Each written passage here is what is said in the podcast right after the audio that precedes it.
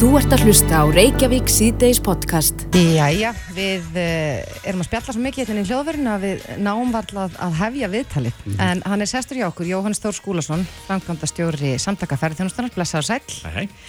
Uh, Jóhannes, nú er, er komin oktober mánuður, það er 9. oktober í dag og, og, og það hefur nú lengi verið rætt um það að já, það er svona markmið okkar kannski að halda ferðamönnum hér lengur, að þetta já, já. sé ekki bara algjörlega ástíða bundi við sömarið Hvernig gengur það? Brekka axlirnar, eins og við kallum það stundum.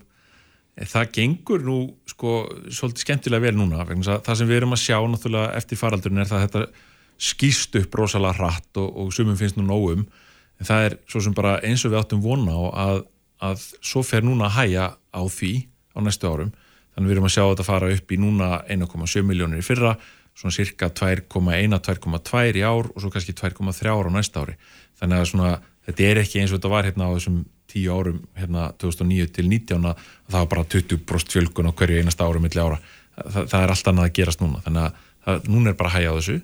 En það sem við erum að sjá er það að, að það er líka lengjast núna út í, sérstaklega út í veturinn, út í höstið tímabilið, þannig að núna er kannski háannin í ferðarþjónustunni er svona frá miðjum júni og, og út september en oktober og november eru orðir bara ansi sterkir og uh, kannski sérstaklega hér á, á söður og söðvestur landinu en líka er fólk að segja okkur að, að sem er að reyka fyrirtæki eins og Östurlandi og Norðausturlandi þetta sé ein, já, búin að vera besti september í mannaminnum bókarandarinn í oktober séu betri heldur en áður og, og í fyrra var besti november á á östfjörðum til dæmis mm -hmm. þannig að, að þetta er að aukast og þetta er náttúrulega það sem við viljum sjá þetta dreifist betur yfir árið og yfir all landið þannig að álægi verði ekki alltaf bara einhverjum örfa á mánuðum á ákveðnum stöðum á landinu mm -hmm.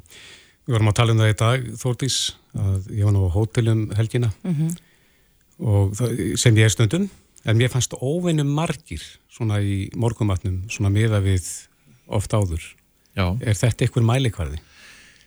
Það fyrir nú svolítið eftir hvar maður er en, en jú, en við getum hugsað okkur bara þegar við göngum hérna til mjög miðborg Reykjavíkur, nýra á skólafurustíg eða upp í Hallinskirkju og þess að ferðamanna staði, það er ennþá töluvert af ferðamannum á þessum stöðum að taka myndir af sér og mm -hmm. skoði búðir og allt þetta mm -hmm. og, og það segir okkur að það er ennþá töluvert af þeim á, á landinu og tölurna núna, minnum ég ágúst voru þetta um 282.000 mann sem er að koma til landsins og það er búist við kannski um 180.000 manns núna í oktober e, þannig að svona fram að jólum er þetta um, um halv miljón sem á eftir að koma meir, aðeins meir en það.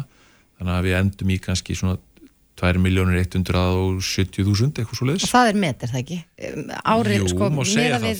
þegar við teljum saman sko, met árið sem við höfum talið er 2,3 miljónir 2018 mm. þannig að kannski þetta verður ekki met ári ár en þetta verður kannski það stefnir í svona með öllu þegar allt er talið með skemmtifæraskipunum og, og öllu saman þá séum við já að nálgast metið svona um það bíl það mm -hmm. en klárlega förum eflust í meta ára næsta ári því að þá tikkar þetta aðeins yfir það sem við höfum séð áður já. En þú sagðir á þann að já, oktober og november er að verða vinsætli eh, hvernig greinir þið það? Þú nú stundu talað um að hvort að landið sé uppselt hreinlega eða ekki ætli fólk sé farið að upplifa að það sé já, hreinlega of mikill háanatími á háanatíma að það velur að koma öðrum tíma. Ég hef að það hafi á einhver áhrif, það er hluti af því að það er að segja, það er mikil eftirspurn á háaninni, við erum að sjá herbergja nýtingu á söður og östurlandi farið upp í 91 til 93% í júli og ágúst sem er gríðarlega mikil hánýting sem að segja okkur það að það eru kannski einhverju sem ekki fá herbergi þar sem að hugsa þá er það besti farið bara í, í september eða oktober um, og þannig að það er örgulega hluti af þessu. En svo erum við líka bara að sjá kannski eftir faraldurinn að fólk er líka aðeins að breyta ferðarmynstrinu mm -hmm. það er ekki allir að fara í sögumfri á sama tíma og svo framvegs fólk á, á inni peninga og eitthvað sem að, en þá sem að það er að nýta og, fleira slíkt. En, en, en það eru, það sem við horfum á er svona það sem við kallum hérna on the books eða bókanir fram í tíman e, það eru fyrirtæki sem að halda utanum um slíkt e, og við fáum upplýsingar til og með frá Benchmarking Alliance sem heldur utan um hótelbókanir á höfuborgsvæðinu, færi upplýsingar um það, allt ópersonugreinlegt og slíkt en, en þar sjáum við til dæmis teimgögnum og stutt öðru að, að e, bókaninnar eða það sem búið er að bóka núna inn í vetramánuðina, nú þegar það er herra hlutfall, það er frá svona 15 og upp í 30% herri, eða fleiri bókanir heldur en var búið að gera inn í vetramánuðina á sama tíma í fyrra. Þannig að við, við þessi mánuðamóti fyrra var minna búið að bóka af vetrinum mm -hmm. ef ég gerir mér skiljanlega. Já, þannig, að, þannig að við sjáum þar að það er að aukast og, og þær tölur passa svolítið við ef við uppbreyknum það með að við fjölda ferðamanna sem kom til aðeins á þessu tíma mm -hmm. þá erum við að sjá að það endar í þessum svona 2,180.000 En nú er veturna sem er ná sig í, í hérna veðrinu núna þetta samtal með vetrar þjónustu og, mm. og ferðarþjónustuna er, er búið að vinna eitthvað í því eða munum við farin í ennett veturinn og ekki með vetrarþjónustu sem stildi? Sko, það er náttúrulega margt í vetrarþjónustunum sem, sem þarf enna að laga, en er, við erum búin að eiga tölvöld mikil samskipti, sérstaklega núna síðastliðin vetur við um, hérna vegagerðina, veðustofuna og, fleiri aðila sem að sjáum bæði þetta viðvörunarkerfi og þjónustuna og þar er mikið af fólki alltaf vilja gert til þess að gera þetta vel og finna leiðir til þess að þetta geti fungerað betur. Þannig að fólk komist á milli staða? Þannig að fólk komist á milli staða og svo fleira en, en ég held við getum ekki lofa því að þetta muni allt saman ganga smurt sko, það er alveg klart mál en vonandi verðum við með eitthvað eh, svona já nægilega eh, góða þjónustu til þess að við getum látið þetta ganga nokkurnu veginn og við séum ekki að lenda í miklu vandræðum. Það er náttúrulega fer líka alltaf náttúrulega svo litið eftir hversu hörðu og erfið veðrin hérna verða. Það, mm. stundum þarf bara að loka og þá sitjum við bara uppi með það og, því er lítið að væla en þetta kannski spyr, spyr, er meiri spurningu um það hvort að þjónustan er nægilega vel skipilöð til að byrja með og ákveðna leiðir sem við myndum gætna vilja hafa opna lengur eh, eða oftar eins og dettifósleiðin og fleira en en þegar þetta kemur að kannski hérna á Suðurlandinu eh, og þessum svona dagsferðarúndum sem verður að fara frá höfbruksvæðinu að þá skiptir kannski meira máli að það sé svona um, skýrari upplýsingagjöf með aðeins meiri fyrirvara þar sem það er hægt um opnarnir og lokanir þannig að fyrirtækinn siti ekki bara með heila rútu af fólki og með klukktíðan fyrirvara er öllu loka þannig að það er svona, þetta er ekkit alltaf auðvelt en, en það er þeir sem að þessu koma er að reyna að finna skári leiðir í þessu en ég hugsa við sjá nú einhver, einhver áraustra í þessu í, í vetur. Já, eitt, eitt sem langar að spyrjaðum er, er hérna, það er nú reglulega kannad viðhorf okkar mm. uh, til ferðamanna Já. og mér rámar í, ég hafi nú rekist á að greinum dæginum að, að viðhorfum væri að verða neikvæðari. Já, það er líklega könnun maskinu sem er, hefur verið gerð á hverju árið sem þú ert að vísi. Já.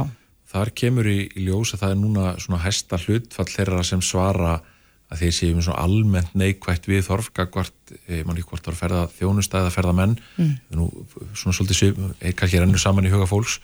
E, það kemur okkur raunni kannski ekkit á óvart þegar við erum að koma út úr einhverju tímabili þar sem voru eiginlega engir erlendir ferðamenn á Íslandi. E, þegar að þetta fer svo rosalega hratt af stað aftur, þá kemur ekkit á óvart að það verði einhver rárastar og fólk verðli fyrir sér býti nú, er þetta nú hérna sérstaklega sniðut en á móti þá held ég að við getum og ég ætla bara að lefa mér að spá fyrir um það að þessi könnun mun síðan aftur fara að sína e, e, lægri prósentu af neikvæðum viðhorfum þegar að aftur það flesta aðeins út úr kurfunni aftur þetta fer ekki hættir að auka svona rosalega hratt mm -hmm. og það sem við erum náttúrulega að reyna að gera til dæmis með stjórnvöldum er að vinna aðgerða áallun umferðarþjónustu til 2030 sem er hluti af stefnumótun okkar og stjórnvalda sammeilari til þess að draga úr þessum bæði álægi á náttúruna, úr árækstrum við e, samfélagið e, að nýta e, vel og betur en við gerum enn í, í, gerum í dag þá peninga sem er að koma inn úr ferðarþjónastunni, hvernig þeir eru nýttir til þess að, að hérna, áhrifin á samfélagið verði enn jákvæðari og svo framveist. Þannig að, mm -hmm. að ég hef ekki stóra ágjörð þessu en já, það, það kemur náttúrulega ekkert óvart að að þegar við vorum ekki búin að sjá neitt í tvö orð og svo allt í um kom fullt þá, þá svona, úf, þá bregður okkur aðeins. En, en það sprettur allt upp umræð annarslægið um uh, aukin kostnæða þar að segja að fá meira út úr ferðarþjónustunni gistináttakjöld og komutjöld og slíkt. Já, já, við erum, þetta er svolítið áhugavert. Ég var um þetta að rifja upp áðan greiningu Íslandsbanka sem að var að spá því að, þjónustu útflutningur þar að segja það sem við fáum inn í samfélagi fyrir, hérna, fyrir þjónustu sem við erum að selja, þar á meðal ferðarþjónustu það muni vaksa miklu, miklu meira heldur en vöru útflutningur eh, sem hluti þess að gjaldir þessu öflun ríkisins bara almennt sem að gjaldir eins sem við notum til að kaupa bíla og þottavilar og allt sem við þurfum að flytja inn. Mm -hmm. þannig að það er nú eitt sem allir ferðarþjónustina skila mjög e, mikið inn í samfélagi og skipti greiðlumáli en þegar við tölum um beina skatta þá erum við mitt að láta reikna núna skattspór ferðarþjónastuna, það er bara skattspór fyrirtækjana e, og starfsfólksins, hverju er þessi atvinningarinn að skila bara reynd inn í skattkerfi ríkisins og það eru upphæðir vel rúmlega 100 miljardar á ári þannig að, að Er það nýjastu tölur? Já, það er eiginlega bara, ef við tökum saman bara svona í grunninn, ég hugsa að muni enda, ég ætlum ekki að setja á þetta tölu núna en svona einhverstara milli 120-30 miljardar ári kæmir ekkit óvart þegar virðisöka skatturinn og allt er tekið með um, þannig að e, það eru tölvert mikla fjárhæðir sem er verið að skila nú þegar þannig að svona allt talum að þessi atvinnugrein skilengun til samfélagsins, það er náttúrulega bara ekki rétt sko. Nei. Svo er spurning bara hvernig pólitíkin vil hafa einhverju sérgjaldtöku og, og það er þá bara eitthvað sem maður þarf að skoða og hvert er peningar fara þá, fara þeir í uppbyggingu á ferðamannastöðum eða, eða minga ála á náttúruna eða, eða, eða hvernig það er gert sko. mm -hmm. En mér heyrist nú vera Bjart sínist tótt nýður fyrir veturnu Já, já, það er ágætt Bjart sínist tótt í mér, ég held að það sé margt í þessu sem að er að þróast akkurat eins og fólk hefur verið að óska sér það er að það sé að dreifast meira úr þessu ástíðasöflan sé að minka ferðarmennin að fara lengra út um landi þeir eru að stoppa lengur hver og einn og þess vegna að skilja meira eftir sig verða að þessum betur borgandi ferðamörum sem okkur langar öll í. E, þannig að það er margt í þessu sem að er, að er að þróast í rétt átt. Já, Jóhannes Tór Skólason framkvæmdi stjóri samtaka ferðarþjónustunar Kæra þakki fyrir komina Takk fyrir. Þú ert að hlusta á Reykjavík C-Days podcast. Það er gravalóleg staða í Ísrael og Palestínu þessa stundina. Já, og það er búið að vera átakanlegt að fylgjast með fréttum núna yfir helgina uh, vísupunktur þessu þetta með vaktina þar sem mm -hmm. maður getur fylgst með bara uh, nánast í betni Já. en uh, það var nú hópur Íslandinga sem að, að voru stött í Ísrael og, og uttaríksræðanitið já, var að ferja þau frá Ísrael og, og okkur skilst að þau séu komin til Jórdaníu, var það ekki? Jó, Þórdís Kolbrún Reykjavíð Gilóðdóttir, við þannig ekki sá þeirra komið til okkar, velkomin. Takk fyrir. Hver er staðan á hópnu núna sem að þið sendu flugvel eftir? Staðan er svo að e, sagt, annars vegar báðir hópatnir stóru og allir farþegar sem að munu fara með vélinni eru komin á alþjóðaflugvellin mm -hmm. e, Amman í, í Jórdaníu Þannig að sá leiðangur er búinn, eða þeim leiðangur er lokið, rútuferðinn og gegnum landamærin og inn á fljóðvillin. Eh, svo er, er flugið áallega sérst í kvöld og þau munu þurfa millilenda í Róm til þess að skiptum áhöfn. Þannig að þau verða komin hingað á leiðarenda eh, svona einhver tíman um miðjanótt. Mm -hmm. Já, en eins og við sögðum að þá er búið að vera átakalegt að fylgjast með frettum, eh, eflaust ekki rólindis helgi í þínu ráðnætti? Nei. Hvað er, er erfitt að fylgjast með þessu? Mm -hmm. hver, hver er svona næstu skref, hvað okkur varðar? Hvað varðar stuðning eða, eða já, fordæming og árás og meðan að slikt? Já, sko, helginu þetta fór í þetta og við virkjum svona ákveðna neyðar áallin innan ráðnættisins uh, við aðstæðar sem þessar og við búum við það hér á Íslandi og þetta er ekki að segja því að það er bara því þetta er satt að við framúsgarandi borgarþjónustu. Og, og hérna og ég held að þau það fólk sem hefur núna verið í mikill óvissu og, og svona rætt líklega mörg hver sem hafa verið þarna först og vilja komast heim getur nú svona votta um það að, hérna, að það er tekið utanum svona verkefni og, og við gerum okkar allra besta og það fólk sem er starfað auðvitað ekki ráðaneytinu algjörlega framúsgarandi uh, og þannig að það er það sem snýra sko fluginu, koma fólki heim og mér skilst að við hér á Íslandi séum nú bara með þeim fyrstu sem erum að bregðast við með þessum hætti. Uh, auðvitað, ég menn þetta er stór hópur okkar mælikvarða en það eru mörg lönd sem eru með ennþá fleira fólk uh, inn í Ísrael og kannski ekki svona bara tveimur stórum hópum uppistöðu til en, en hérna svo er það sko sem viðbrögð og þá þetta fordæmi við árasuna og, og gefum það uh, út og það hafa þetta langt flest ríki gert. Við erum síðan í samskiptum kollega við kollega þar að segja sagt, stjórnendur í ráðneitinu við sína kollega og svo framvegs um, en í svona aðstæðum er þetta alltaf gríðarlega mikil þoka yfir öllu. Veist, það er gríðarlegt magna af upplýsingum uh, upplýsinga óreðu þetta inn á milli og svo fer eftir því svona, þá er samfélagsmiðlarnir líka orðnið þannig að þú, þú þetta færð meira af hérna, efni frá einhvern veginn annari hlýðin eða það er hægt að segja það við svona floknar aðstæður eftir því bara hvernig þú ert svona stiltur af á, á miðlunum þannig að -hmm. meiri segja fyrir sko, stjórnvöld og ráþæra þá, þá er, e, tekur stundum tíma þess að átt að segja á hvað er hvað er umverulega gerast og hvað er satt og rétt og við reynum að fylgjast með eins og við getum en, en þetta gerist rosalega hratt og því miður verðast þetta stegmagnast sem er leiðis mjög hratt og, og fregnirnar sem þann, þann berast eru algjörlega hryllilegar og þetta er alveg bara ótrúlega grimmileg árás uh, mm. og, og hérna þetta út úr öllu korti. Hvernig metur þau framhaldið? Ég sko eins og ég segi þá er þetta sko af slíkum, þetta er, þetta er á stórum skala þessi árás og, og hérna og bara maður sér að þetta eru sko saklusir borgarar bara myrtir á gödumúti, þú veist, fólk að dansa á okkur dansháttíð fyrir frið sem að er bara svona breiviks hérna innkoma uh, og og auðvitað er þarna sko eldfim staða og, og, og gríðarlega flókin, þú veist, bara í bráðum 80 ár sko en ég er mjög smeg uh, við framhaldið og svo kemur þarna hessbóla inn í þetta með sko, þar eru þingri vopn og meiri geta, þú sér alþjóða samfélagi svona bregst við, bandríkjumenn senda hérna herskip og þetta er svo er þetta að tengja þetta við hérna uh, Íran, þannig sem sagt er að vopnin komi og svona þannig að þetta er sko spennustíð bara almennt í veröldinni er að hækka Mjög... Tel, já, telur þú að það sé hægt á því að þetta breyðist út?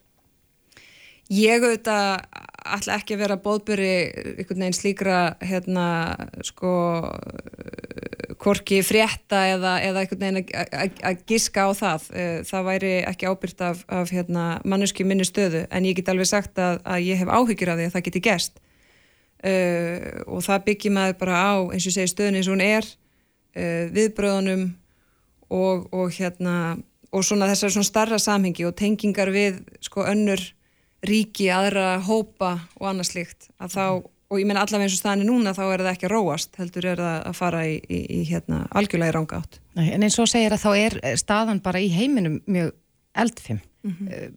Getur við bórið þetta sama við og nú höfum við verið kannski við svona ágætis friðar tíma í, í lengri tíma mm -hmm. en nú sjáum við bæði já, innráðsuna í Úkrænu, við sjáum þetta, þetta er óvinnilegt. Já, sko, auðvitað hefur í gegnum tíðina uh, og svona alltaf viss ára fresti uh, svona algjörlega svoð upp úr uh, á þessu svæði og, og heilt yfir bara kynsluðar þarna sem hafa lifað við sko ókn, óknir og, og erfiða tíma á, hérna, á svæðinu öllu. En, en það, þetta er ekki einangra við þetta svæði og þess vegna eins og þú bendir á sko, allsherjar innrás uh, stórveldis uh, inn í nágrannaríki og, og alþjóðlegu brotin og bara land, gamaldags landvinningastríð sem að, þú veist, minni kynnslóð var bara sagt að við þurftum ekki að hafa áhyggjur á því allavega ekki hérna í Evrópu, þú veist, nægu væri vandamál en þetta væri nú ekki eittra og svo horfir á stöðuna uh, víða annar staðar og getur tekið dæmi með hérna Nagorno-Karabakh á milli uh, Armeni og Azerbaijan Þar er mjög erfið staða, víðar er svona að sjóða upp úr og, og það er hægt að velta því fyrir sér og ég ætla ekki að vera með neina hérna, eitt, eitt alls er álítið því en það má velta fyrir sér sko, veist, að hvað leiti tengist þessi hlutir. E, þannig að já, ég menna ég, ég er að meina þegar ég segi að ég hafi að þessu áhyggjur og ég er að meina þegar ég segi að það eru ekki bara óbeinir, heldur beinir hagsmunir Íslands að taka afstöðu, að láta í sér heyra, veist, að mæta á fundi, að sitja í sætunum sem við höfum við þessi borð, þar sem við erum að ræða þessi mála á stóra sviðinu, taka ákvarðanir, að, að það sé öllum ljóst að hérna, Ísland standi fyrir alþjóðljó sjövirt, að landamæri sjövirt, að lögsaða sjövirt og að svona framganga sé ekki lægi vegna þess að sko vonandi verða hlutinir bráðum fara þeirra komast til betri vegar en ég bara ég get ekki allavega sagt að, að ég sé vissum það, þá væri ég bara ekki segja satt. Og við vitum hér að þrátt fyrir að við séum heppin með okkar nágranna sem eru, þú veist, við rífumstu það hvort við höfum að skjóta kvalið ekki og menn aðrir eru að eiga við það að, að hérna, nágranna þeir eru að skjóta þá að þá, að þá erum við ekki ónæm fyrir þessu. Við erum það bara ekki, menn við erum á strategís mjög mikilvægi svæði hérna uh, og, og hérna á endanum sko ef þetta kerfi sem byggtur upp eftir síðari heimstyrjölduna ef það brotnar að þá er grunnur þessi viðstundum á sem samfélag. Þá er hann bara allt annar ef við getum ekki treyst í að alþjóð og lög séu, séu virt. Og vegna er það konkrétt hagsmunumál okkar að, að hérna, gera hvað við getum að minnstakosti e, til þess að vera þjóðmæðil þjóða og, og, hérna, og, og gera, það er, gera það sem er rétt. Í þessu tilfelli að þá er rétt að fordæma árás, það er rétt að þessar, þessi staða er gríðarlega hérna, flókin, en við, við höfum viðkjönd í Palestínu sem sjálfsagt ríki, við höfum stutt við tvekjaríki laust, e, reyndar ennú bara mikill minnuluti Palestínu manna sjálfra núna sem að styðja það, þannig að það er líka alltaf flókið að, að hérna, einhvern veginn þyk, þykjast vita betur heldur en fólki sjálf en, en uh, eins og staðinu núna það verður við bara að fylgjast með. Við getum brúðist við ef að, ef að kallið kemur. Við höfum verið með mannúar aðstóð sem, sem þýðir að við höfum sendt fjármunni til stuðnings í ákveðna mannúar aðstóð við gerum það í gegnum saminuðu þjóðunar uh, við ákveðna stopnun þar hjá, hérna saminuðu þjóðun þar sem við erum með bara ramasamning og svona grunnframlag sem að fer í það að hérna, aðstofa fólk við, við ömulegar aðstæður. Er, er svo greiðsla komin í frost núna? Nú hefur Europasambandið frist uh, háar greiðslur til Palestínu? Saminuðu þjóðunar, uh, þær eru ekki komnar í, í frost. Svo aðstóð er uppstöð til mannúar aðstóð bara svona, grundvallar bara þörfum uh, íbúa á, á, hérna, á svæðinu. Þannig að það er, það er, það er eins og það er uh, allavega enn sem, en sem komið er. Uh, en núna það sem síðan snýra okkur beint er, er að hérna bara geta verið róleg þegar að eh, okkar fólk er komið heim þessari blessu flugvill og í vélin eru þetta líka við buðum hérna eh, vinnum með í flugi til þess að, að nýta sætin og það eru bæði færiengar og svo eru nokkru þjóðverðar sem ég skilst að sé á leiðin á flugvillin og munum fá að sitja í sumi leiðis mm -hmm. Margir færiengar? Heldur sé átta, mm -hmm. átta eða nýju þannig að það er hann gott að geta líka uh, lagt það til og verið hérna vinir rauna því það er það sem sko alþjóða samfélagi það er sko það er ímislegt flókið en í grunninn snýst þetta um að, að hérna vera manneskja og, og, og, og þá skiptir máli líka að við séum að vinna okkur vinnu og séum að alveginn. Var leita til ykkar eftir þessar aðstofyrirgjöðu eða buðu þið, ringdu þið út á buðu? Við buðum, við settum sérstaklega í fréttatilkynninguna að hérna, nefndum þar svona Norðurlönd og Eistasaldsríki ef, ef að það væri fólk sem að vantaði fara þá væri það í bóðu að, að fylla þau sæti. Og færi engarnir, frændur okkar, svöruð því? Já, og eru mjög þakklatur fyrir það. Já.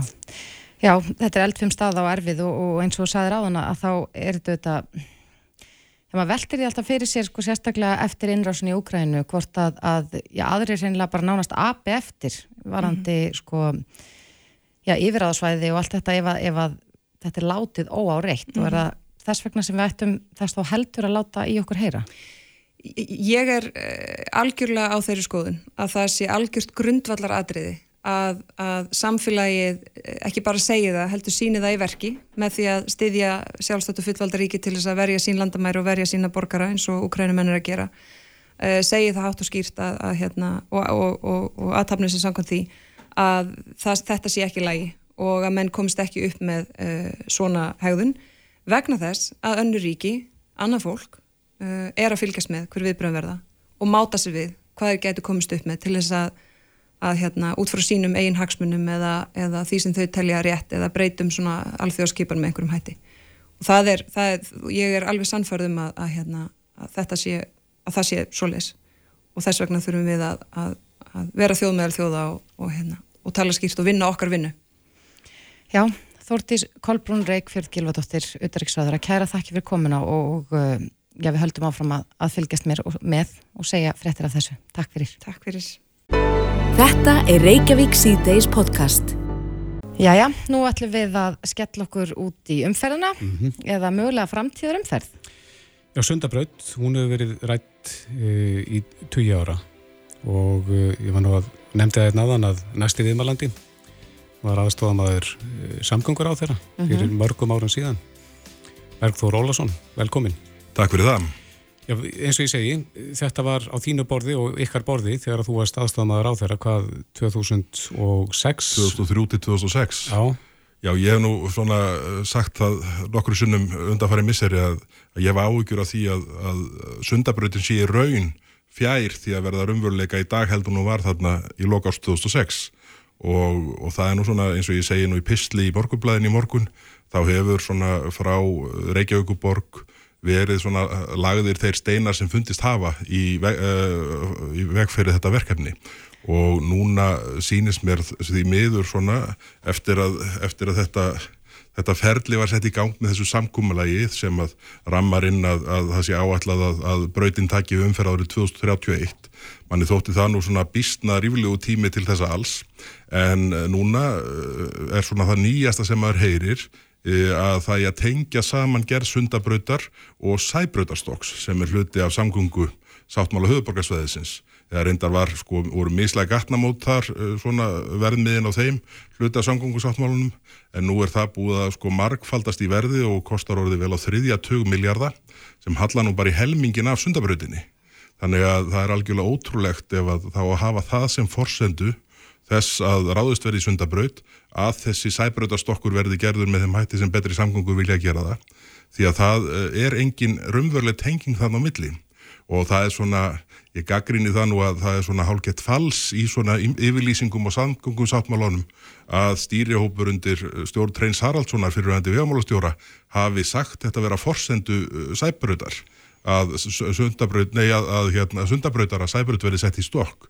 Það er bara allránt. Mm -hmm. Ég segja vissulega í skýsluna að það væri óskup gott að fá sæbröð í stokk en það er engin forsenda.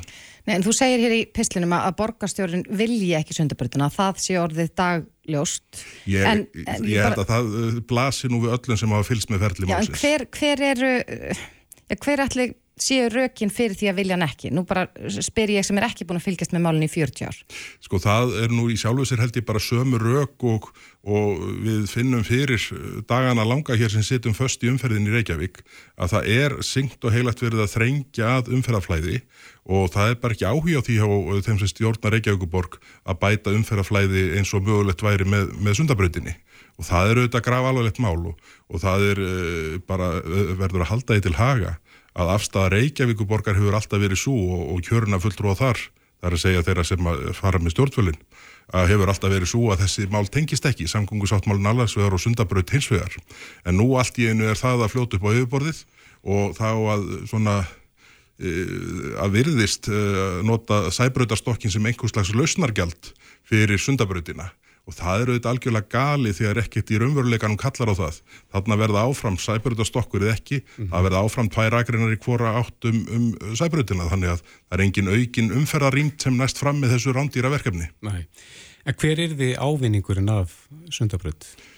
Já, það var nú uh, tekið uh, tilgreint hér sérstaklega þegar uh, innviðar á þeirra var að fjallum þessa vinnu sem núna er í gangi og taka allan þennan tíma að það væru, já ég held að hann hafi nefnt ein og halva miljón kílometra sem sparaðist á Uh, ég mann ekki hvort það var uh, hvert tímarami var en ég held að það hefur verið sólarhingur þannig að það er gríðalugur akstur sem sparast. En síðan er það þetta kannski fyrst og hennst flæðið annars vegar og hins vegar allt það góða byggingaland sem opnast með sundabrautinu og þetta færir auðvitað vesturlandið og norðurlandið og vestfyrina nær höfuborgarsveðinu og tekur úr svona mjög hægfara umferðarhluta og ég, að því sögðu hér svona milli, milli hérna, eða áður en að ég kom hérna inn að eh, svona ég teldi að, að eh, borgarapparati hefði ekki verið alveg heiðalegt í framsetningu sinni og að uh, samgöngur á þeirra sömu leiðis en ég hef kannski meira verið að gaggrina það að samgöngur á þeirra hafi látið plata sig í þessum efnum.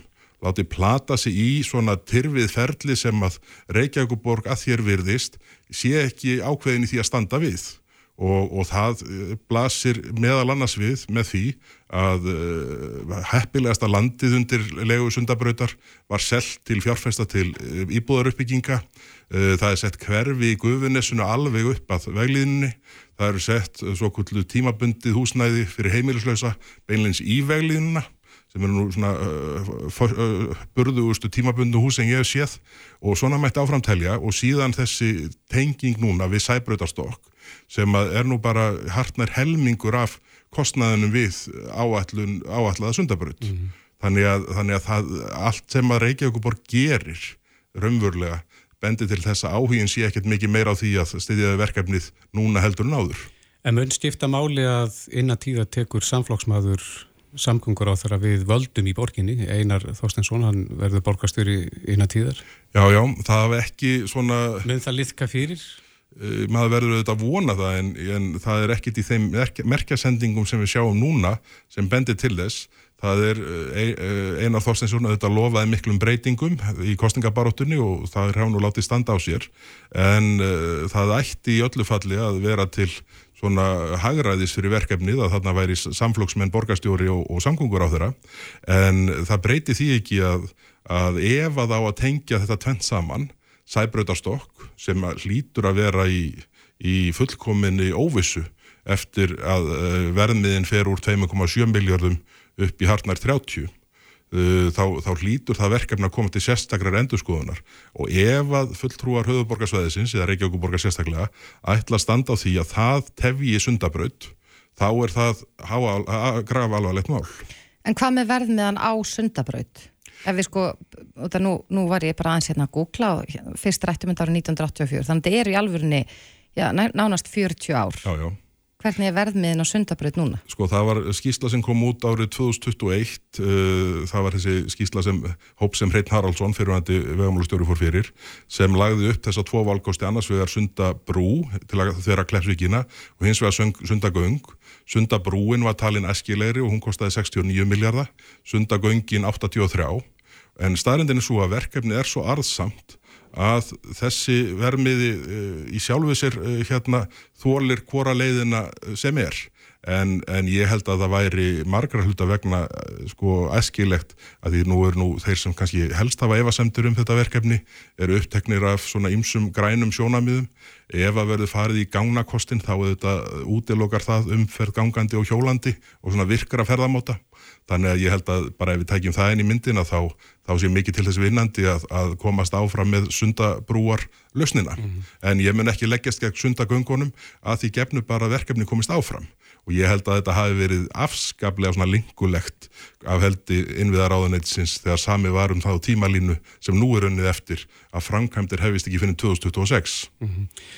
Á hvaða vegaköplum mun þetta létta á umferð? Þetta mun náttúrulega leta mjög mikið á ártúnsbrekkunni og uh, öllu flæði sagt, ofan uh, úr Mósfjálsbæ og því svæði þar umkring uh, Grafavóginum uh, Kjalanessi náttúrulega tengist með allt öðrum hætti. Uh, síðan eru þetta að Suðurlandi kemur inn á Vesturlandsvegin þarna austan við, austan við þessa, uh, þetta þannig að það lettir á því flæði umtalsvert. Þannig að það eru í rauninni allir landsmenn sem einum öðrum hætti hérna uh, njóta góðs af og, og svo má ekki gleima því að, að það er bara svona örgismál að hafa fleiri leiðir en eina út af höfuborgarsvæðinu ef ekkert raunverulegt áfall verður. Mm -hmm. En við slítum alveg í sundur sko sæbröytin annars vegar og svo sundabröytin hins vegar. Mm. Hvað verður um alla umferðina?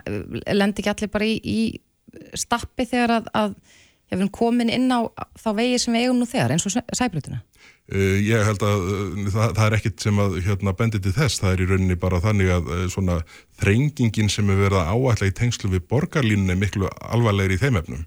Og það verður auðvitað byggt upp á þeim svæðum sem tengjast með þessari nýju, nýju veglagningu þegar hún vonandi verður komin í gegnið en umferðar mannvirkin á sagt, vestan Klepsvíkur þau taka, taka við þessu hérna, þeirri viðbót og, og eins og ég segi það léttir það mikið á annar staðar að, að verði þrenginga eða, þrengi að þá mun umferðin leita uh, þangað sem að, sem að fyrir staðinni minns bara eins og vatnið Erum við nær sundabröð núna heldur en þegar að þú fóst úr samgöngur áðunitunum 2006?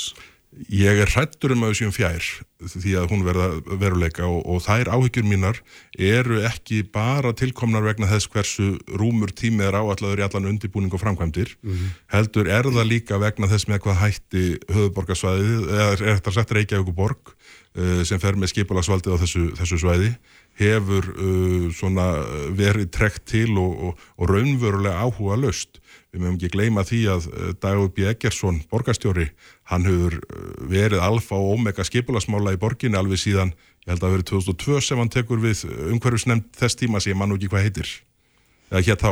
Mm -hmm. En hvað, hver, hver eru svona, já, ef maður, eh, já, hugsa bara um rökin með og móti, bara svolítið einfalt. Mm. Hver eru helstu mótrökin? Er það umhverfis áhrifin eða hvað? Já, ef, að, ef að er einhver meining hjá mönnum í að draga úr mengun frá akstri, þá er það ekki umhverfisáhrifin því að það dregur verulegur heildarakstri með þessari framkvæmt.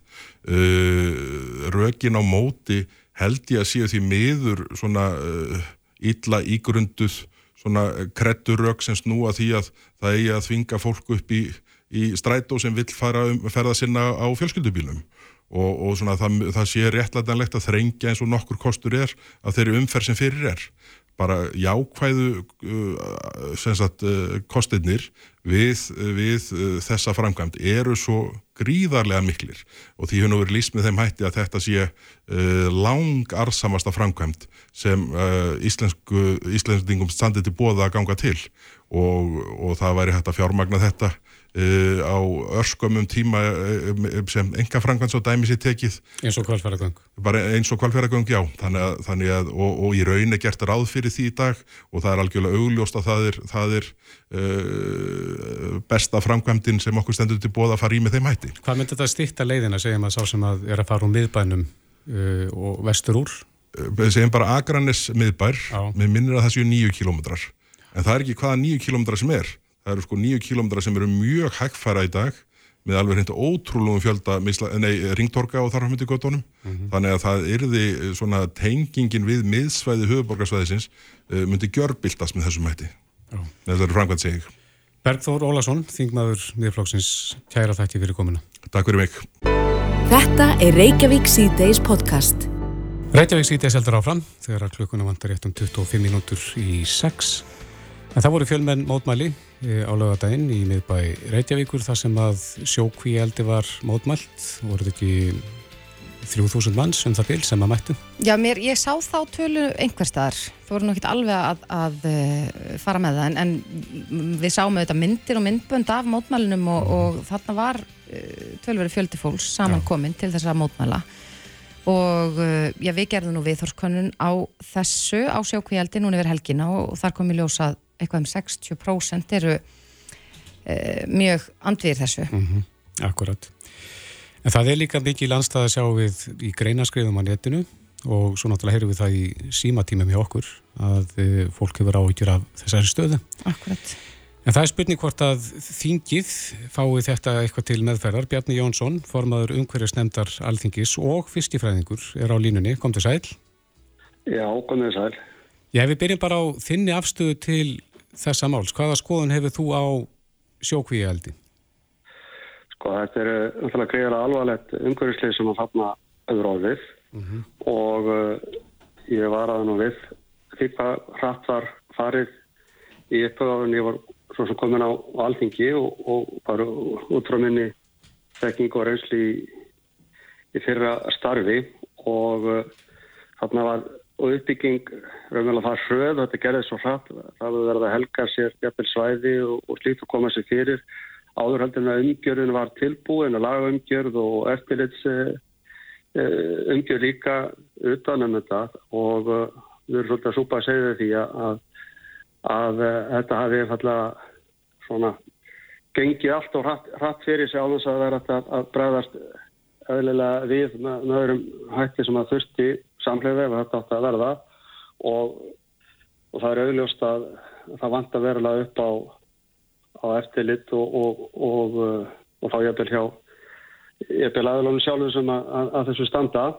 Og en síðan er náttúrulega staðan svo að það þarf náttúrulega að að ná ennþá betur utanum að herða, herða reglur uh, sem að um þetta allt sem að gilda. En, en þetta er samt líka orðið það gríðilega mikið magn sem að er þarna komið í eldið að, að, að þetta er bara mjög vandarsamt að, að allavega alltaf fara að auka það eitthvað frekar í, í, í ljósi þess hvaða afturauðlika aflegginga það getur haft. Mm -hmm. og, og, og auðvitað er þarna hagsmunni en það er líka sko, og ekki bara hagsmunni síðan að sæðum með kringu veiðátnar og bara líka lífriki sjálft og, og lagsarstofunni sjálfur sem að, sem að náttúrulega eiga tilveru rétt Akkurat. Og já Já, Bjarni, það er, það er þetta búið að ræða þetta mikið og, og nú er hugtakið sko, upplýsinga óreiða, mikið, mikið rætt um það á mörgum sviðum og það eru þetta svona svolítið misvísandi hvað maður heyrir. Er þetta svo mikið um umhverfislýs eða ekki? Er þetta að, að er lagsa stopnin í hættu eða ekki? Og hann, hann Bubi Mortens var nú hérna hjá okkur fyrir helgi og sagði að það, við værum bara á ákveðnum tímamótum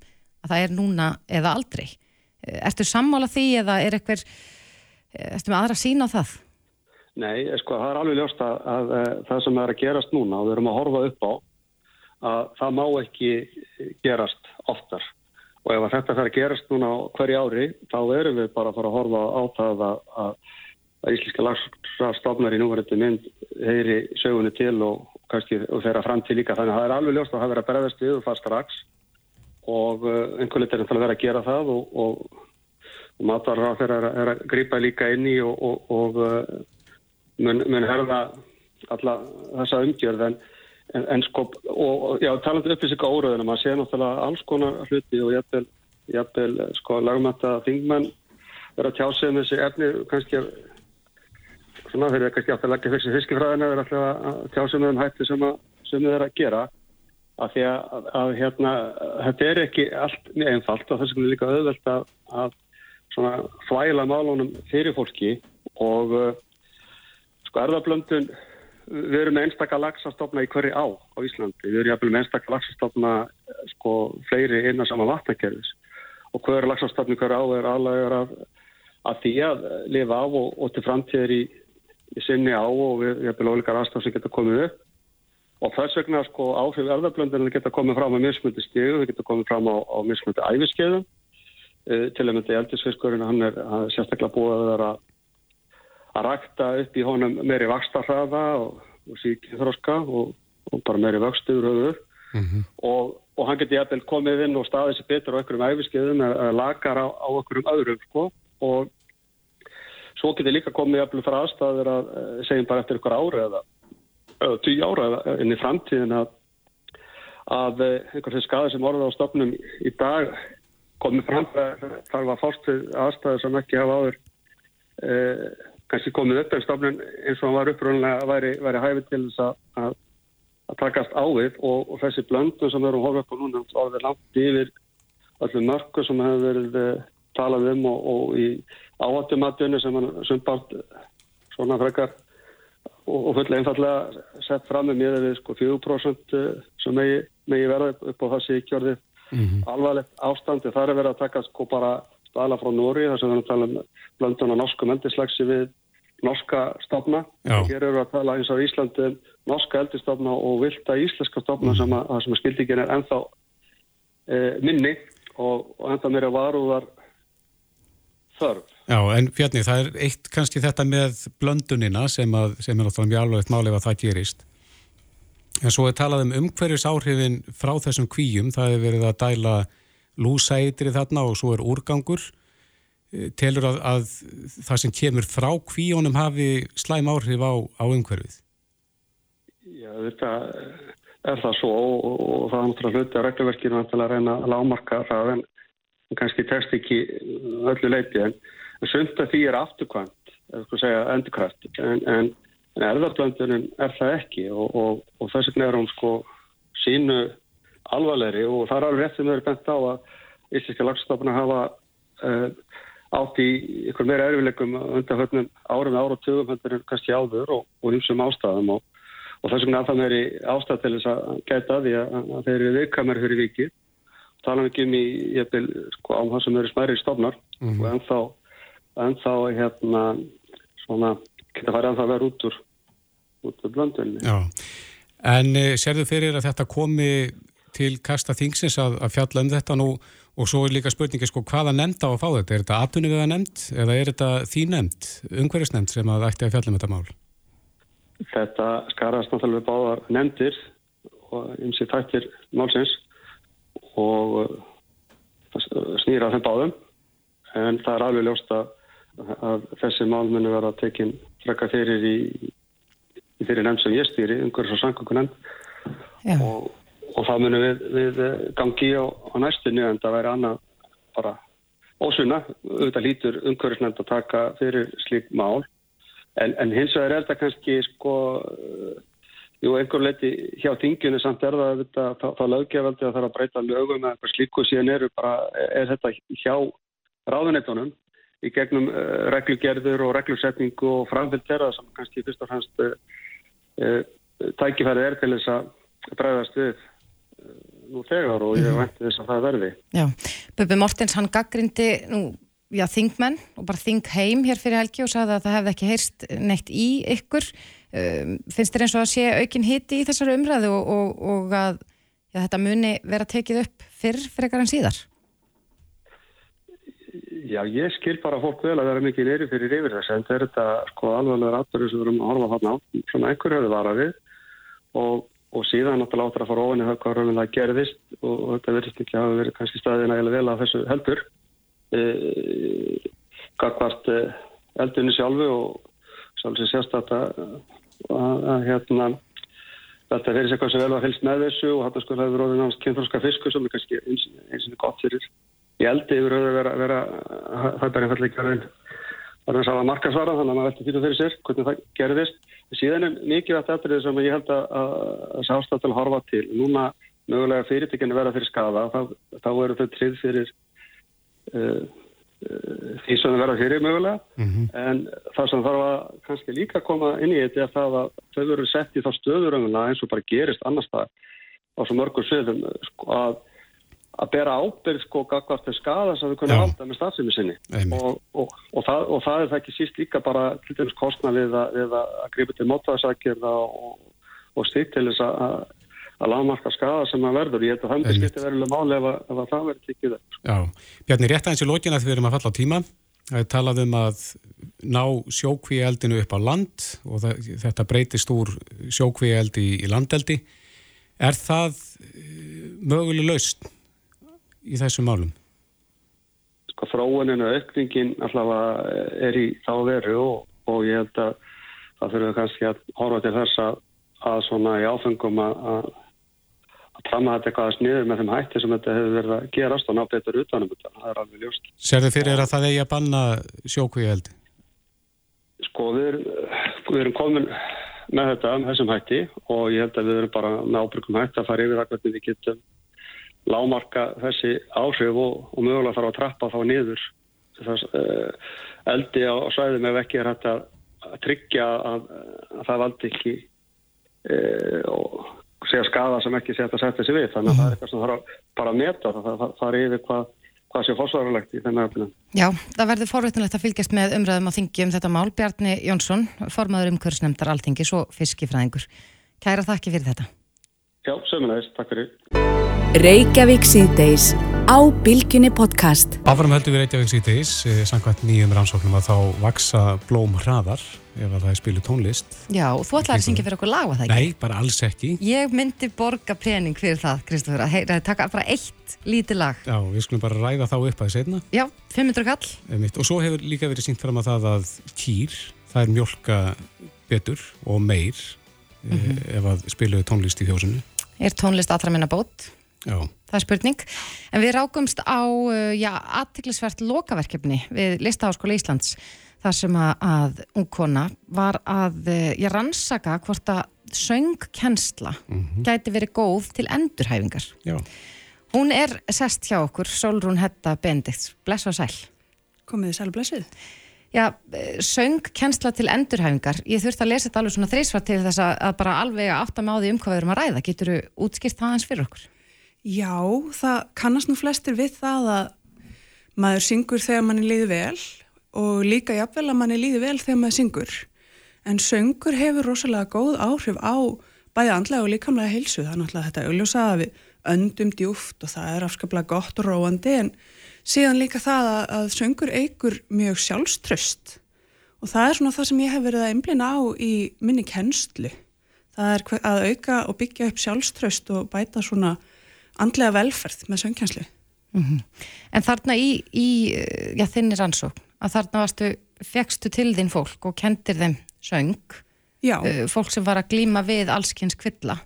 Já, þetta var nú þetta svona flettaðist allt einhvern veginn saman að því að ég var sagt, eh, tók þátt í verkefni sem að heitir Korda Samfónia og er sagt, svona samfélagsljómsveit þar sem að nefnendur við listaháskólan og þjónustu þegar starfsendurhæfingastöða á suðvesturhóttinu mætast og gera tónlist saman og það var eiginlega gegnum það sem þetta kviknaði. Eh, við vorum í okkar fyrstu æfingarlótu í hörpunni og þá kom til mín þjónustu þegar starfsendurhæfingastöðvar og spurði hvort að ég væri til í að kenna sér söng. Mm -hmm. og síðan bara algjörlega fyrrabræði þá setti hún söngtíma inn á endurhæfingar átlununa sína.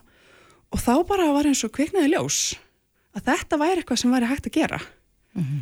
og síðan bara fór ég að kenna hinum á þessum. Og ég kenni mikið í íslenskum jáðar tónlistamannum uh, stundum kölluð black metal söngkennarinn og það vil einmitt svo til að það er fólk sem hefur upplifað margt.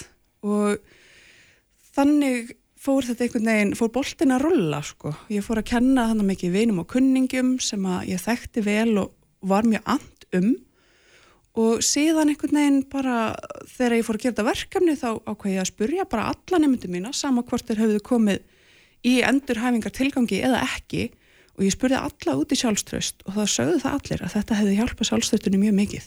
Mm -hmm. En þeir sem að þú varst að vinna með þessu er þetta fólk sem, sem sko innan gæsalappa kann að syngja, það gæti hver sem er einhver sem er kannski ansi laglaus. Sko allir geta sungið. já, er, það er eiginlega spurningin. Já, allir geta sungið. Misvel. Já, það skiptir nefnilega einhver máli Nei. hversu vel eða illa maður syngur. Maður þarf kannski svolítið að velja sér vettvangin ég menna maður fer náttúrulega kannski ekki og, og syngur fyrir og reynir að komast inn í kór íslensku óperunar eða eitthvað ef maður, manni finnst maður ekki syngja vel. Mm -hmm. en það skiptir í rauninni ekki máli. Ég var að kenna alls konar fólki, sko. algjörum byrjandum, fólki sem hafi sungið með hljómsöndum í mörg ár. Einn nefnandi mér svo sagði við mig, já veistu, ég hef aldrei sungið fyrir fram að neitt áður. Og það snart mér bara virkilega djúft. Og hún gætt haft mjög mikið gagn af þessu, þó svo hún hefði ekkit sungið fram til þessa. En gæstu eitthvað mælt þetta svona vísendilega séð, þar að segja fyrir og eftir? Þetta var nú svona það sem að kallaði starfendaransókn sem þýðir að ég er svona aðalega aðtuga sko mín eigin störf mm -hmm. en jú, í viðtölum sem ég tók þá spurði ég út í þetta hvort að fólk fyndi mun á hinn á þessu og, og jú, það fólk var nú kannski mismikið mun eftir því hversu mikla reynslu það hafði mm -hmm. þeir sem höfðu mikla reynslu voru kannski aðalega komin tíma til þess að læra eitthvað tæknilegt en svo voru þeir sem að komu bara gaggirt í þessum tilgangi mm -hmm. En eins og við myndist á einni upphafi þá er nú búið að bara sanna það að tónlist geti gert gagna á, á ymsum sviðum og, og já, við höfum nú eitthvað tíma líka talað um, um tónlist og, og uh, þá sem glíma við Alzheimer og annað, heldur við séum í einhverju svona vitundavakningu gagvart tónlist, söng og, og svona gagseminni.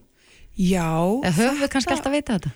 Sko þetta hefur náttúrulega verið hluti af okkur manneskjunni bara frá upphafi og við höfum kannski ekkert rannsakaða mikið fyrir en kannski núna síðustu ára tugi en þetta hefur einhvern veginn alltaf verið bara hluti af okkar daglega lífi sko, tónlist og, og söngur mm -hmm. Kórastarf er mjög það er nú mjög algengt hér á Íslandi Já. þekki það ekki öðrum löndum svo sem en, en eh, já, þeir sem hafa verið í kór tala virkilega vel um það, ekki bara kannski það að syngja heldur félagskapur og, og annað sem að spila þar inn í. Já, þetta er mjög félagslegt og það sem gerist þegar við yfkum tónlist með hópa fólki er að það myndast einhvern svona félagslegt örgisnett hmm. og við, við tengjumst fólki og svona þáttaka okkar uh, hefur vægi og það skiptir bara virkilega máli að vera hluti af einhverju. Já, en fyrst þá segir nú að það geti allir sungið. Ef ég myndi ná að sapna í næla að háa upp að til þess að láta Kristófur Helgarsson taka eitt þættinum hvað á maður að byrja til þess að, að sko bara æfa sig, þjálfa sig í söng? Bara, bara syngja? Það er góð spurning, já sko það er, hef ég komið stað það sem skiptir mestu máli að gera í upphafi og það sem ég gerir bara með öllum ég er ekkert mikið að svona reyna að hafa áhrif á hvað er að gerast til að byrja með, það er, skiptir bara mestu máli að búa sér til þetta rými til þess að bara vera og syngja og vera ekki að gera neitt annað heldur bara svona fókusera inn á við vera svolítið í núinu finna hver gerast í líkamannum og tengjast önduninni. Það er eiginlega fyrsta skrefið. Mm -hmm. bara að vera. Og rjáttlast, rjáttlast stressið af manni. Vegna þess að ég hugsa að lang flestum sem er ekki vanir að syngja fyrir framann hana fólk þetta er lítið ókveikandi Sviðskrekkurinn já. já, það er það það getur verið virkilega stressandi fyrir fólk og, og það er í rauninni ekki eitthvað sem hverfur þó svo að maður fáið reynslu sko. mm. það er mjög mikil sviðskvíði sem fylgir því að vera tónlistamanniska hefur sérst komið í ljós í rannsóknum myndafarið mm. en það er akkurat líka svona stórt fyrsta skref fyrir marga að syngja fyrir framann mig að því að það er eitt að syngja í bílnum og það er enginn þar og enginn að hlusta svo er alltaf komið að einhver manneska sem ætlar að fylgjast með öllu sem þú gerir og, og jafnvel dæma þig sem að ég náttúrulega ítrekka við alla að það er ekki það sem ég er að gera en það eru þetta tilfinningin sem við fáum mm -hmm. að það er alltaf einhver sem er að horfa og hlusta af algjörri aðtíkli og einbettingu á það sem að þú ert að gera Akkurat. Næsta skrifa eftir að syngja í bílum er það skrúa niður rúðuna syngja rauður hósi Já, veistu, það held ég að myndi bara vekja lukku það má ekki vera ofhátt samt því þá getur fólk bara keirt á Já, akkurat, Já. en það er mikil vitundavakning um geðhilsu Mælir þú með söng til þess að, að bæta geðhilsun? Ég gerir það já, alveg heiklust og ég hef fundið það sjálf bara í söngtímum að hvað manni líður betur eftir að bara syngja í smá stund mm -hmm. og talar eins um sjálfströst áðan við erum svona við það að falla tíma en, en já, sjálfströstið eigst á það við um bara sjálfströstið við það að syngja eða bara sjálfströstið hjá einstaklingnum? Bara sjálfströstið bara í lífinu myndi ég segja sko. að því að maður einhvern veginn hefur allt í einu rött og fær að nota hana og það er einhver sem að hvetur þið áfram og segir já þetta er frábært, haldu áfram svona. Það hefur áhrif á aðra þætti hef ég fundið sko. Það hljómar er svo allra meina bót þannig ég, við hvetjum bara fólk til að fara að syngja átt og snjált ég er að horfa þig Kristófur Þó er þessi ekki inn í bílnum. Já, Já. Já Solrún Hedda Bendix söngkennari. Eh, kæra þakki fyrir komuna og við vonum bara að sem flestir fara að syngja af, af lífs- og sálarkröftum Já, takk fyrir mig og ég vona það líka. Hlustaðu hvena sem er á Reykjavík C-Days podcast Þetta er svo mikið inni veður, einhvern veginn glugga veður núna í dag. Já, ég er að auðvitað bara að telja niður uh, í stundina sem ég kem heim til mín í kvöld að kveika á kertum. Mm -hmm. Þetta er svona hefð fullkomna veður til þess að bara liggja upp í sófa Já. með kertaljós, horfa á eitthvað gott í ymbakassanum eins og mm -hmm ég, ég er vist farin að tala um sjómarpið þannig. En uh, já, það allavega við vöknuðum í morgun og, og, og þetta byrjaðan og byrjaðan svolítið að blása í gær og svo er bara búið að vera grenjandi regning Rók og regning í dag. Já.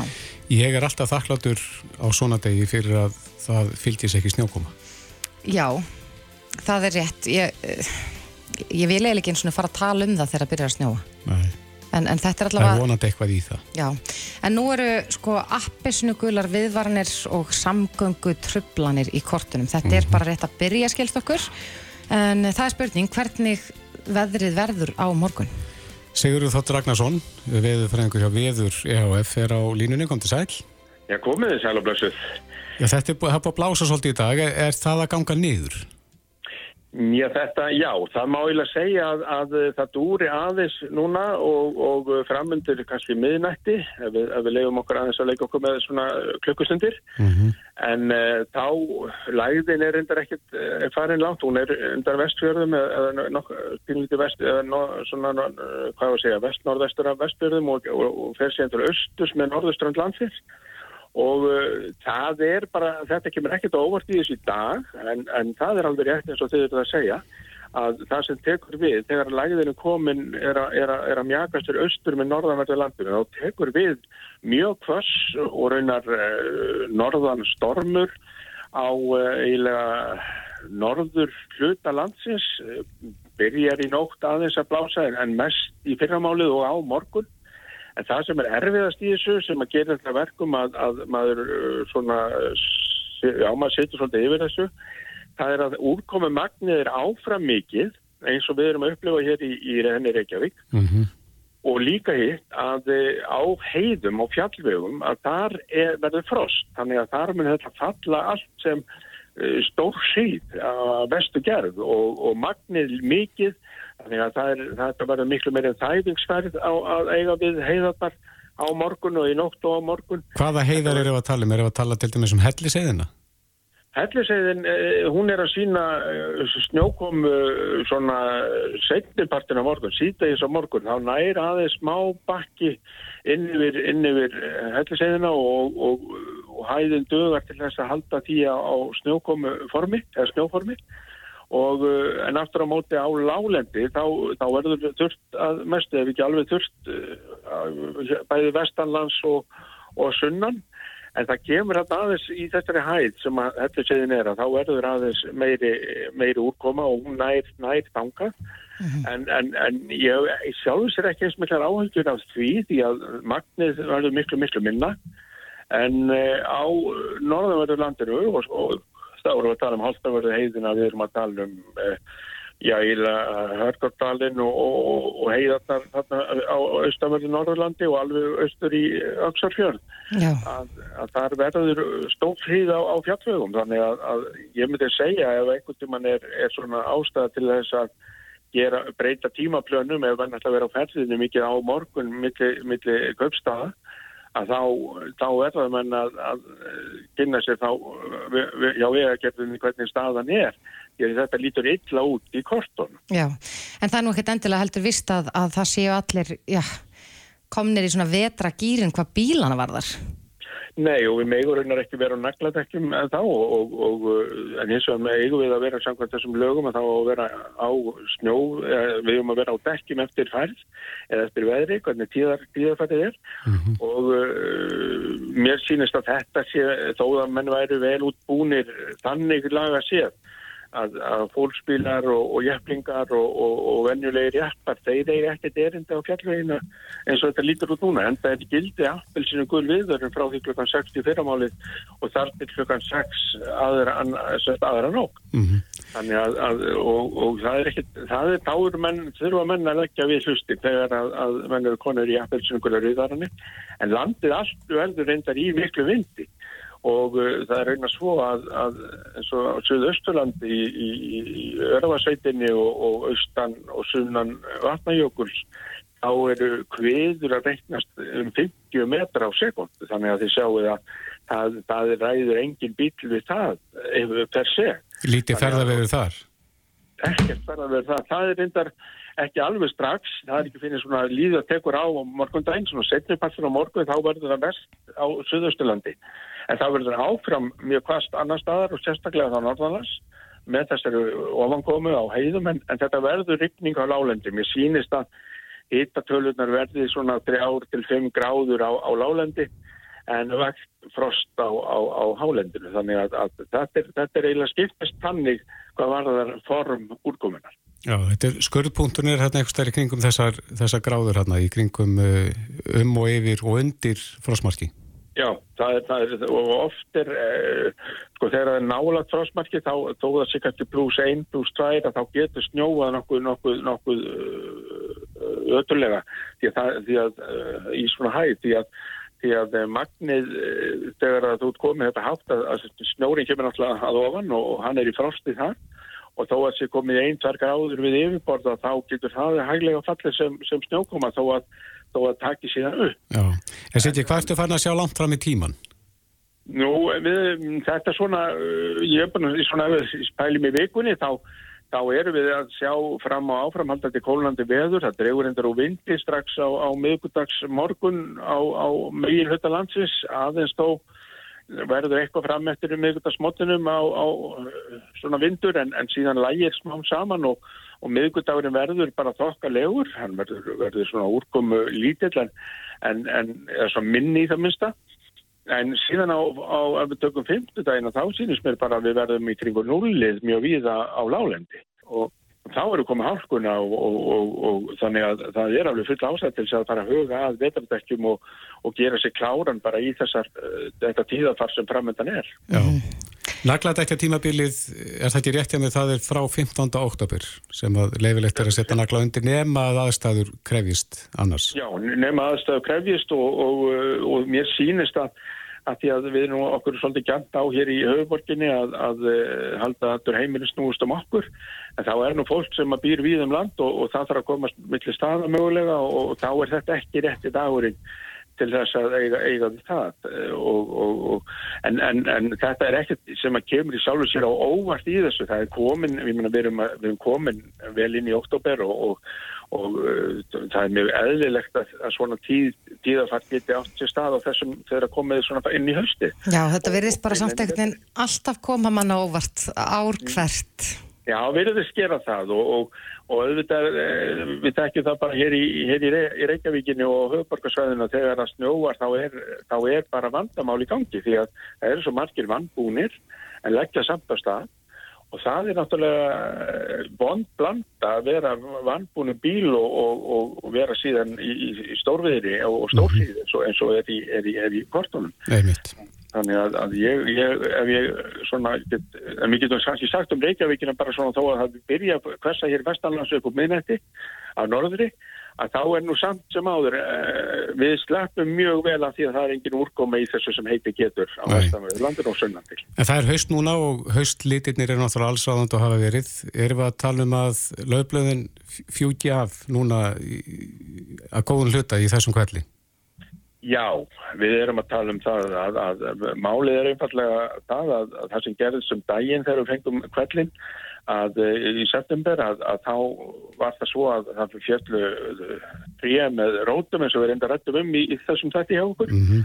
og, og þá er það oft vegna þess að vindfangið er svo mikið þegar að tríðan eru, eru lögut Eh, það má ég lega segja að það sé ákveðin eh, kostur, ef við getum orðað þannig innan gæsalappa, að, að, að laufin eru að fara að trjánum þessa dagana og, og, og þá taka þau á sig minni vind og, og þess að minni líkur á að að þau ripni eitthvað upp með rótum eins og, eins og stundum kerist hjá okkur. En, en ég á nú ekki vona á að sá vindræði verði svona mikil að það verði eitthvað svoleiðis núna en, mm -hmm. en það verður kvast og það verður, ég minna það er naburt veður, norðanátt og, og, og þryggjast eða hitu og mjög kvast, það er vindkælingi þarna, jafngildir ja, tíu stega frosti í, í, í lofni. Þannig að, að, að þetta er ískallt veður sem við erum að segla inn í, í þeim skilning. Einmitt, og ef við styrkum aðeins undir þá er uh, býstu við hríðarbil á uh, heiðum fyrir norðan og uh, snjósun almennt á heiðum á morgun. Já, og, og helli segðin hér siður að, að hafa í huga að sýta þess að morgun gæti komið smá skott